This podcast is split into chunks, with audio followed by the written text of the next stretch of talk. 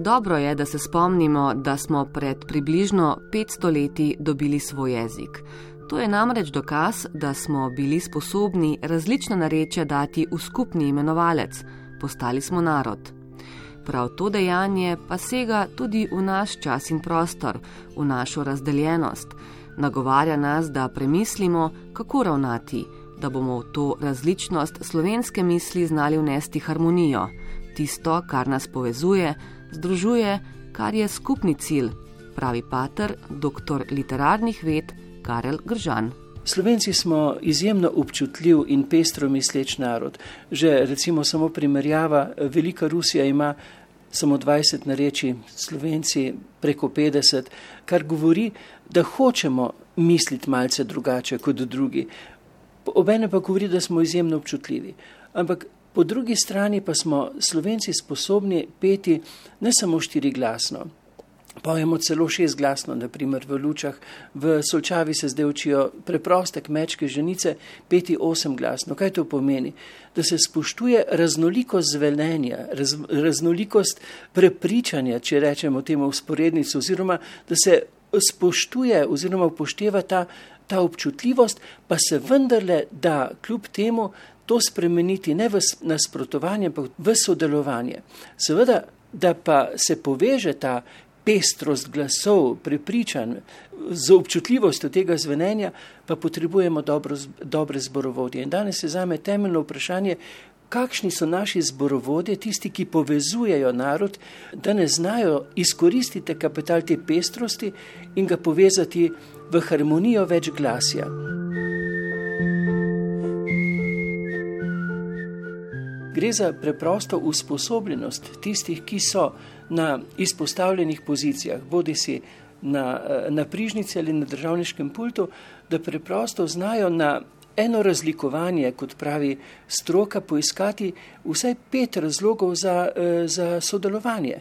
Tisto razlikovanje pa izkoristiti kot potencial za preraščanje, za rast tu pa srečujemo žal pri nas namerno polarizacijo, namerno razglaševanje naroda. Ne? Veste, mi kot mali narod imamo izziv, da tudi marsikaj sporočimo, če bomo seveda, če bodo naši voditelji, bom rekel, sposobni izkoristiti za to, kar smo slovenci sposobni. Če bodo pa našo občutljivost in miselno pestrost zlorabljali za razslojevanje, za razdiralnost, potem bo seveda jih zgodovina označila v njihovem poslanstvu ne samo kot neustrezne, lahko celo kot zločinske, ker so razdajali naš slovenski narod, ne, ki ga je Trubar tako lepo naslovil, ljubi slovenci, dajmo ljubi slovenci, uvideti, da pač mi pestro mislimo, tako zamerimo, tako zelo smo e, občutljivi. Dajmo to ozavestiti in izkoristiti, da pa vendarle zazvenimo v harmoniji,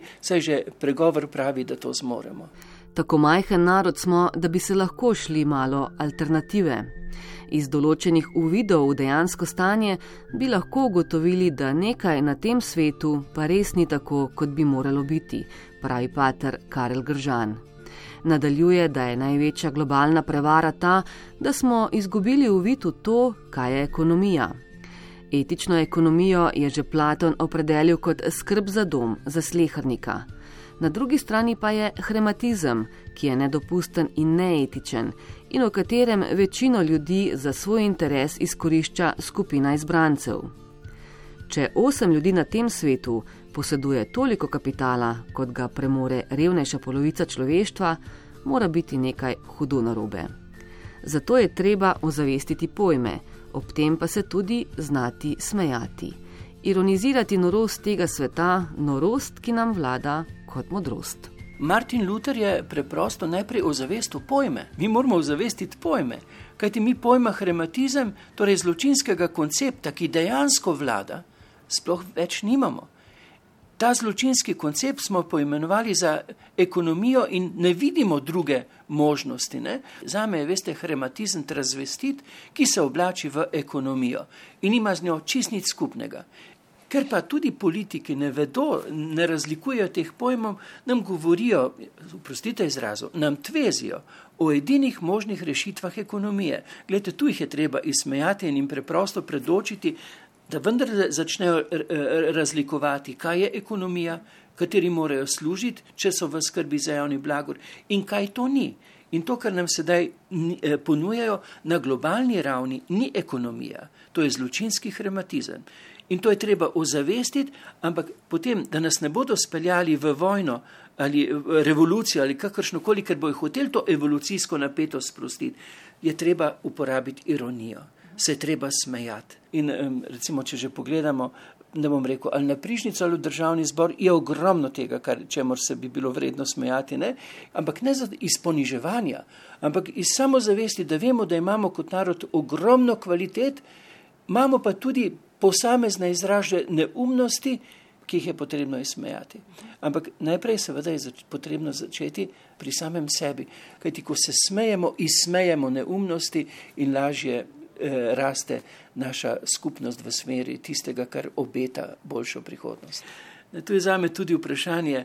Ne, takrat, ko je bilo vse prepovedano, ko ni bilo demokracije, smo vedeli vice na vse politike, smo imeli pa uliha, smo se delali norce, koliko se je dal.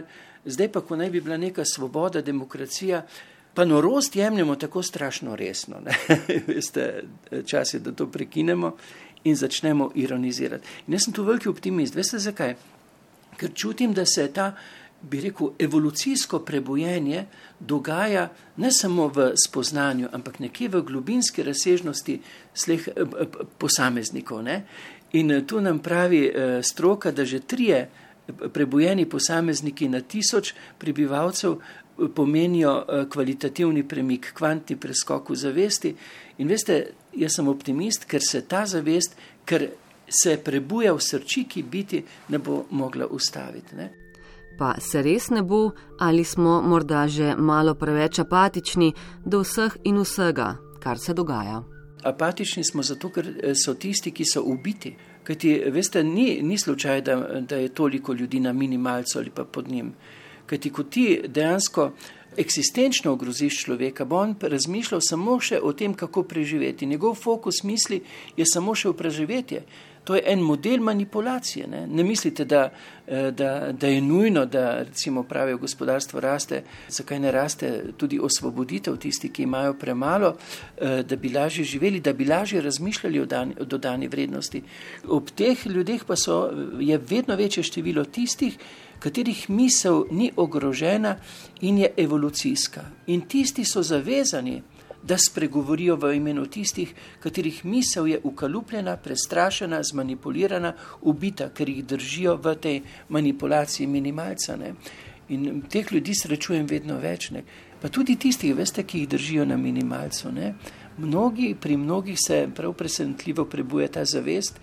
In jaz mislim, da je skrajni čas, da se prebudi tudi v tistih, ki pravijo, da, si, da so skrbniki za javni blagor, blagor pa tako hlapčevsko, tako dosledno, tako pedantno, seveda ujeti v birokratizem, služijo hematizmu.